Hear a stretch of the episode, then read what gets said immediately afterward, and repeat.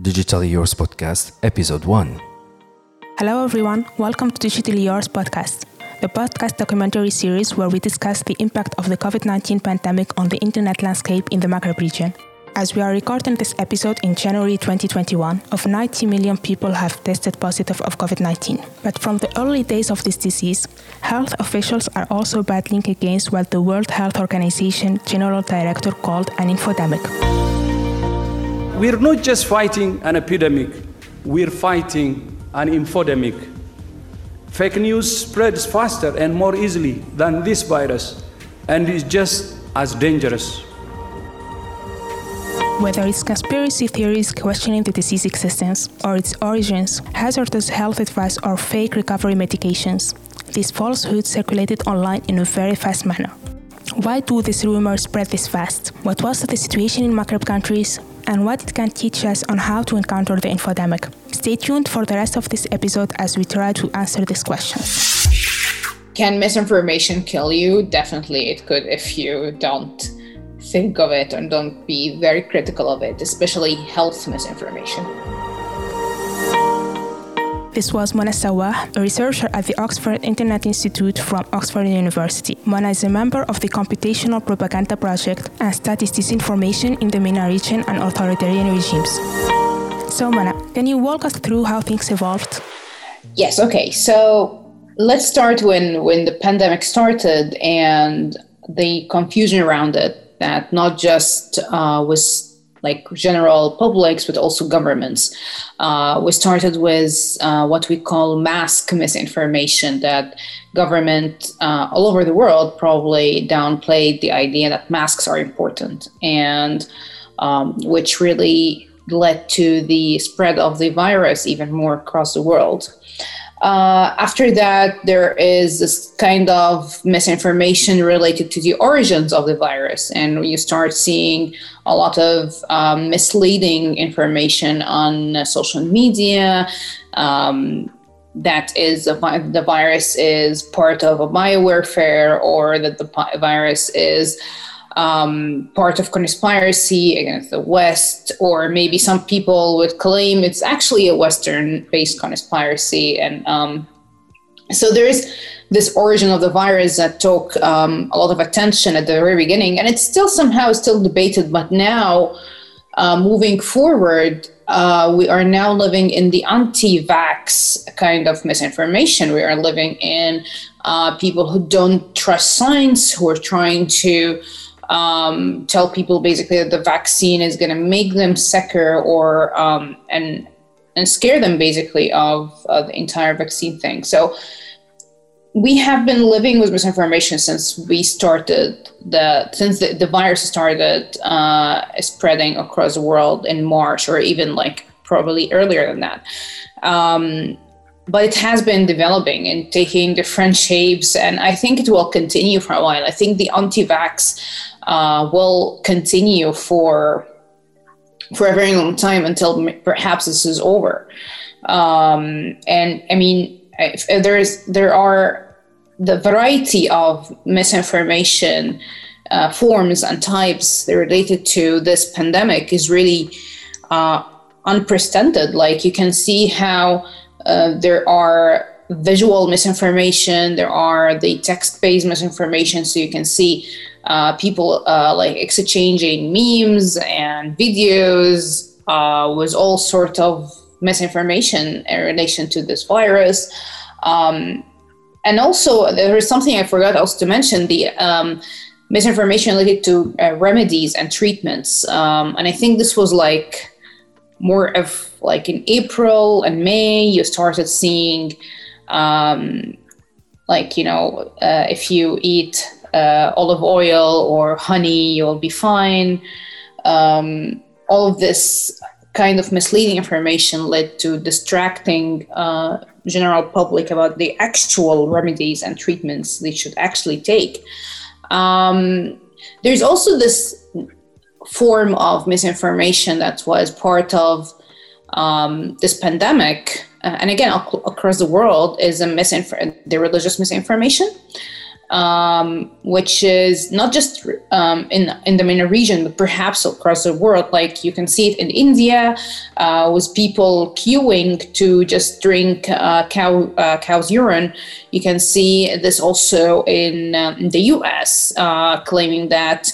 Uh, being Christian is going to save you. Um, same thing here in the MENA region claiming that the virus is just a punishment from China and the virus is not going to hurt any Muslim, or um, all of these, I would say, claims uh, um, has again led to um, the spread of the virus and also the distraction of the accurate information. And there is there was this kind of information disorder that um, led to the unprecedented, um, like we can say, the misinformation landscape. So, Mona, you spoke about the context. Did we notice anything unique about the Maghreb region?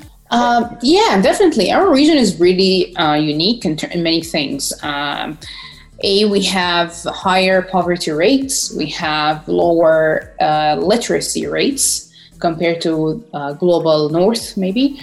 Um, and also, we do have lack of trust in governments, and that's a true thing. And and in order to solve a crisis, you need to trust your government, um, and that is not a thing in the region. Um, and when you don't trust your government, unofficial um, resources will emerge, like unofficial religious leaders would emerge and make claims uh, in relation to um, remedies, for example, as I said, like take olive oil and you'll be fine. Um, that's something that you can see in the region specifically. Uh, unlike something in the UK, uh, for example, where I, I study, it's like when they tell them like stay at home, they would they are more likely, or at least the majority would stay at home. But here they will be in this region, um, they will be more skeptical of actually staying home. Um, so, so yeah, we do have this lack of trust uh, that would not help in specific crises like this. And also, you have this religious factor. And I'm not saying that other countries are not religious. I'm saying we also have this factor that is in addition to the lack of trust. Governments really uh, speculate, um, made the situation really worse. Um, like um, that when you don't have like scientific information people when it's like the uncertainty is really high people just uh, would rely on unofficial resources. Even like the official religious institutions like uh, al-azhar and um, um, and other institutions in the region uh, they they were really trying so hard to fight misinformation. But again unofficial uh, leaders um, and voices um, were existing, especially at the very beginning, I would say. Um, so that's another aspect that you have. Um, and also, like, we are in a region that has seen so much, um, that have uh, been through wars, have been through um, lots of devastating events in the past 10 years. Um, and a virus is not um, that scary, I would say, maybe, uh, to them. And although it's really it should be very scary but um, when people go through many crises like this they somehow tend to be less uh, more desensitized uh, than other nations. And when you are desensitized to a problem like this a crisis like this the probability that you're going to stop it and you're going to control it is is very low. Um, and that also made things really worse uh, and sorry, I, I just want to add one thing, which is the um, lack of uh, information transparency is also a, a, real problem in this region. Like in in global north, um, you cannot hide the accurate information. You cannot hide the number of people infected. Um, but that's a thing in this region, uh, unfortunately, and it is uh, also related to self censorship that journalists have and um, how much they cannot say. So that's also another problem in this particular region. But do we have any proof on direct harm or correlations? Any studies on this? Uh, there are so many examples of how the infodemic related to the region to the um, pandemic um, has been like influencing um, people's health. Like, I mean, a very good example of this would be the bleach and uh, and all the people in the U.S. drinking bleach to recover from coronavirus um, after the misinformation that again came from the top uh, spread about uh, bleach and its influence and how it could actually save people's life. Um, that's a thing. Also, you can see at the very beginning of the um, of the epidemic, or sorry, the, of the pandemic, uh, when there was um, fear of or like some sort of racism against every Asian in the region. Um, can misinformation kill you? Definitely, it could if you don't think of it and don't be very critical of it, especially health misinformation. So now that we have an idea on the overall situation when it comes to the spread of mis and disinformation and what harm it may cause, let's move to the responses part. So from government agencies' responses to companies and ministries publishing responses on the spread of certain fake news to the arrest of the Moroccan YouTuber with a very large following when she posted a video in which she claimed that the coronavirus didn't exist. She was later sentenced for one year in prison for sharing fake news. The video is no longer available on a more general scope, so worldwide social media companies conducted awareness campaigns with the WHO. How would you describe these responses? Yeah, okay. So, in general, like fighting disinformation comes from either um, having more regulations uh, or better regulations, I would say, and all have uh, or imposing more regulations on um, social media or on the other hand, you will have uh, social media companies taking actions themselves. Uh, and actually, an, another solution would be, um, or general solution would be, uh, when uh, when governments educate their citizens. So these are the general solutions that for disinformation that we have been discussing since maybe 2016.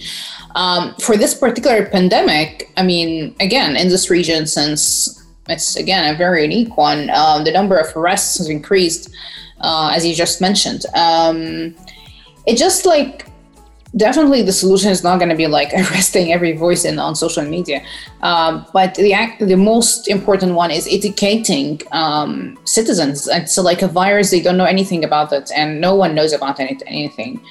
And in my opinion, like governments did well, like a bit well in in the very beginning. And I think like when when time passed uh, and people neutralized the virus, at least their feelings towards the virus, things um, got a little bit messy at some point. But um, that's it, it, would have been perfect if they continued what they started, like educating their citizens more and more.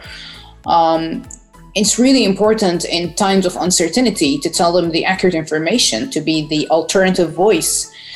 Um, other than that, they will citizens would just go for the the, um, inaccurate information that is are spread, spreading on social media.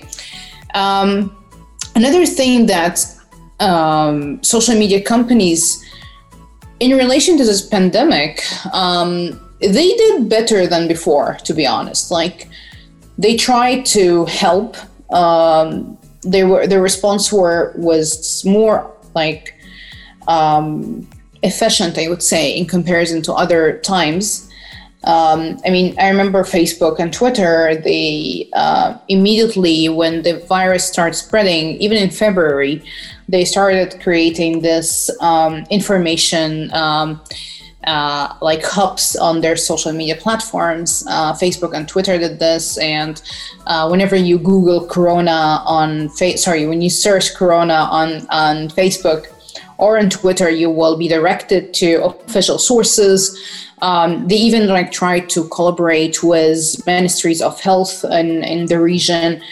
And I think they did better. Um, they even tried to take down lots of misinformation videos, um, especially the one called Plandemic, I guess. Uh, and they tried.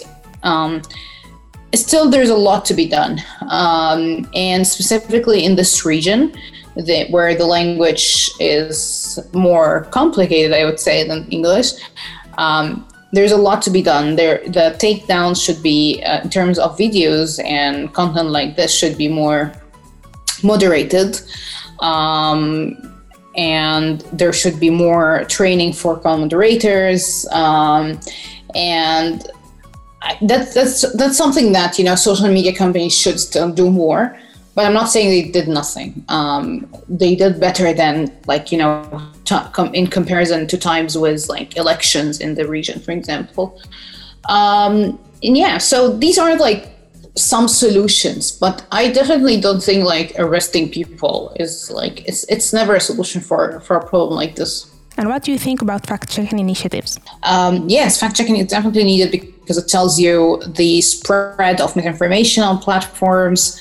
Um, that is something very difficult that uh, algorithms would only catch. I mean, you need um, the help of fact checkers, human fact checkers, to do this for you. Um, so yeah, I mean, there are, there have been attempts uh, and better attempts and even again comparison with elections uh, before. Um, Still, however, uh, how efficient they are, that's a very big question. I hope there will be research about this, honestly, about how um, impactful is fact checking in the region. Saying this, uh, let's go back to another problem I was just saying about, which is platform and collaborating with fact checking.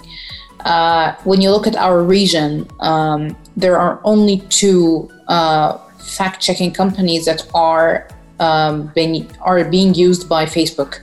Uh, like Facebook do not rely on any of the you know initiatives that you see on social media about fact checking. They only uh, collaborate with two two companies called Fatabyyano and um, AFP, and that's it. Um, in to give you a sense of how low is this? Uh, I mean, if you look at the US, there are perhaps more than 17 companies, uh, if I'm not mistaken, um, that Facebook collaborate with to fact check information on social media. Uh, so yeah, that's we still need like platforms need to benefit more to work more with fact checking. Um, and fact checking need to be um, more of like institutionalized somehow. Like we do have like lots of pages on Facebook in the region that would correct uh, information, um, but again, not really institutionalized. Uh, it's just you know, like individual initiatives sometimes. Um, so, in other words, there, it's a good, of course, thing, but still a lot needs to be done in terms of funding it, supporting it, uh, working with it. Regarding these responses, we saw a growing worry over them being used to restrict freedom of speech. For example, in Tunisia in March 2020, a member of the parliament introduced a problematic fake news law meant to quell disinformation about the coronavirus. However, the draft law was revoked after a pushback from the civil society. In the similar context, the Moroccan government approved the draft law, which was largely denounced by the civil society, and as a response was suspended in May 2020. The law tasks providers with restricting content as well as enforcing criminal penalties for users who post false information online. I wanted to ask you, Mona, what are your thoughts on this sort of dilemma between protecting freedom of expression and limiting the spread of fake news? yeah, that's a very good question. Like, it's always a worry that we have that um, that you know countering misinformation would violate freedom of expression. Uh, and to be honest, it's a very, very, very thin uh, line between you know between both. Um, when don't we violate freedom of expression? Um, to be honest, again, it's not a concern just in the region. It's a concern that even like the most democratic countries are facing um, when not to cross the line. Uh, and I think crossing the line is usually when you overdo things, when you um, start randomly, you know, accusing people of fake news. Um, like even again, we saw in most democratic countries in the world. Um, that's when you start suppressing voices because they will be accused of fake news. Um, I think it's really difficult to, as you said, like in this region, especially when freedom of expression even is most most of the time limited and restricted um, to find the middle ground uh, between both and i think in order to find the middle ground you need to you need first to have like a real freedom of expression, and then you can um, start saying that okay, we we we need not to violate it. Um, I think whenever I speak about countering misinformation in this region, I never talk about, you know, um, that government should arrest people or fine people or like trying to like shoot the um, you know the kind of expression shooting the messenger. I, I, instead i think like my, my discourse is always on focusing on education and also on platforms rule uh, instead of that we should punish people. Um, until you know this this is something i would do perhaps until um, freedom of expression is more of a respected thing in this region. Um, because again it's really difficult to find a middle ground when when the ground doesn't exist i guess. So on the point of educating the public what can we do better? How can we convince general public in the region? Uh, that's a very difficult question. We have been trying. I mean everyone has been trying in it. This is like i don't i don't think anyone has like a perfect answer of how to convince someone of misinformation of stop spreading misinformation. Um, but as I said, it's not just about the sender, it's about the receiver as well. It's not just about convincing the senders to stop, you know, sending the message. It's impossible. We're not going to be able to stop that because misinformation comes from the top sometimes, like you can see in the US, or it comes from like stars and actors and media who speaks like absolutely non scientific information. Uh, it comes from state-backed media. It comes from it. You will never be able to. Again, shooting the messenger is not the solution. Uh, also, like on the other hand, you need to train the receiver. Um, you need to make sure that when they receive the message, because most certainly they will receive it, you need to train them to be critical of it, uh, to think of it, um, to be to question uh, the source, um, to you know do their own search, to verify the information. And when you do that, I think this is more successful than trying to stop and prevent sending the message because this is never going to stop. Um, so so yeah i mean again i don't have like a perfect you know steps to follow uh, to stop people from spreading misinformation i wish i do have them but i don't uh, but I hope in the future we can have more of training for people to be critical of the inform- of information they receive. So the world is now moving towards vaccination campaigns, and we are starting to see misinformation about vaccination. What could we do about that? As I said, like my main concern now is the anti-vax um, misinformation is spreading. Um, that's really concerning because if people are not going to be vaccinated, we're going to have coronavirus perhaps forever.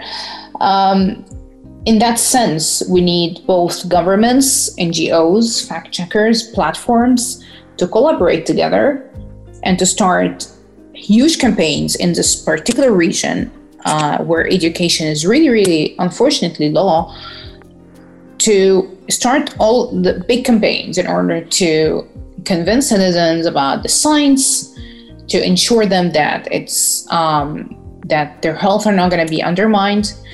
Um, when this happened, perhaps there will be an end to COVID 19 and its nightmare. If we started working separately, and when if government started ignoring civil society and civil society started ignoring working with platforms and we start fighting each other, perhaps we're, not, we're never going to see an end of this. Uh, anti-vax movement are unfortunately growing in the region. I mean, I used before to say that the region doesn't have an anti-vax movement, but now maybe I'm wrong. I mean, unfortunately, it's a thing here now. Um, and it's going to be like a serious thing that we need to fight, perhaps for the next year, not just for the few months coming, but it's going to be like a long journey for all of us. And we need to stand together. Um, like all efforts should be combined to counter that. Um, and let's hope for the best. I hope. This was Mona Elswah, a researcher from Oxford Internet Institute from Oxford University, where she studies disinformation in the MENA region and authoritarian regimes. In today's episode, we went through the timeline of the spread of the COVID pandemic in the region and how misinformation evolved from questioning the virus existence to touch on the vaccines nowadays. We also spoke about the responses to limit the spread of misinformation online and how concerned parties reacted. We discussed the efficiencies of these responses. In the next episode, we will discuss further one specific type of these responses the local fact checking initiatives. We will explore behind the scenes of their work and learn more about the local context. Make sure to check the episode show notes for further information and summaries of our episodes as well. Digitally Yours podcast is a streaming HD production for THD.AN with the collaboration of the ISS Center. This work was carried out in the context of the Africa Digital Rights Fund with support of the Collaboration on International ICT Policy for East and Southern Africa. Host and senior producer Yusru Jouini, executive producer Monam Hamdi, coordinator Walid Nafati, project manager Marwan Dhmayet, sound engineering Ghazi Nafati, sound design Dorsaf Kortbi. You can find us on THG's channel on SoundCloud, Google Podcasts, Spotify, iTunes, and Anghami, or visit www.digitalyourspodcast.com.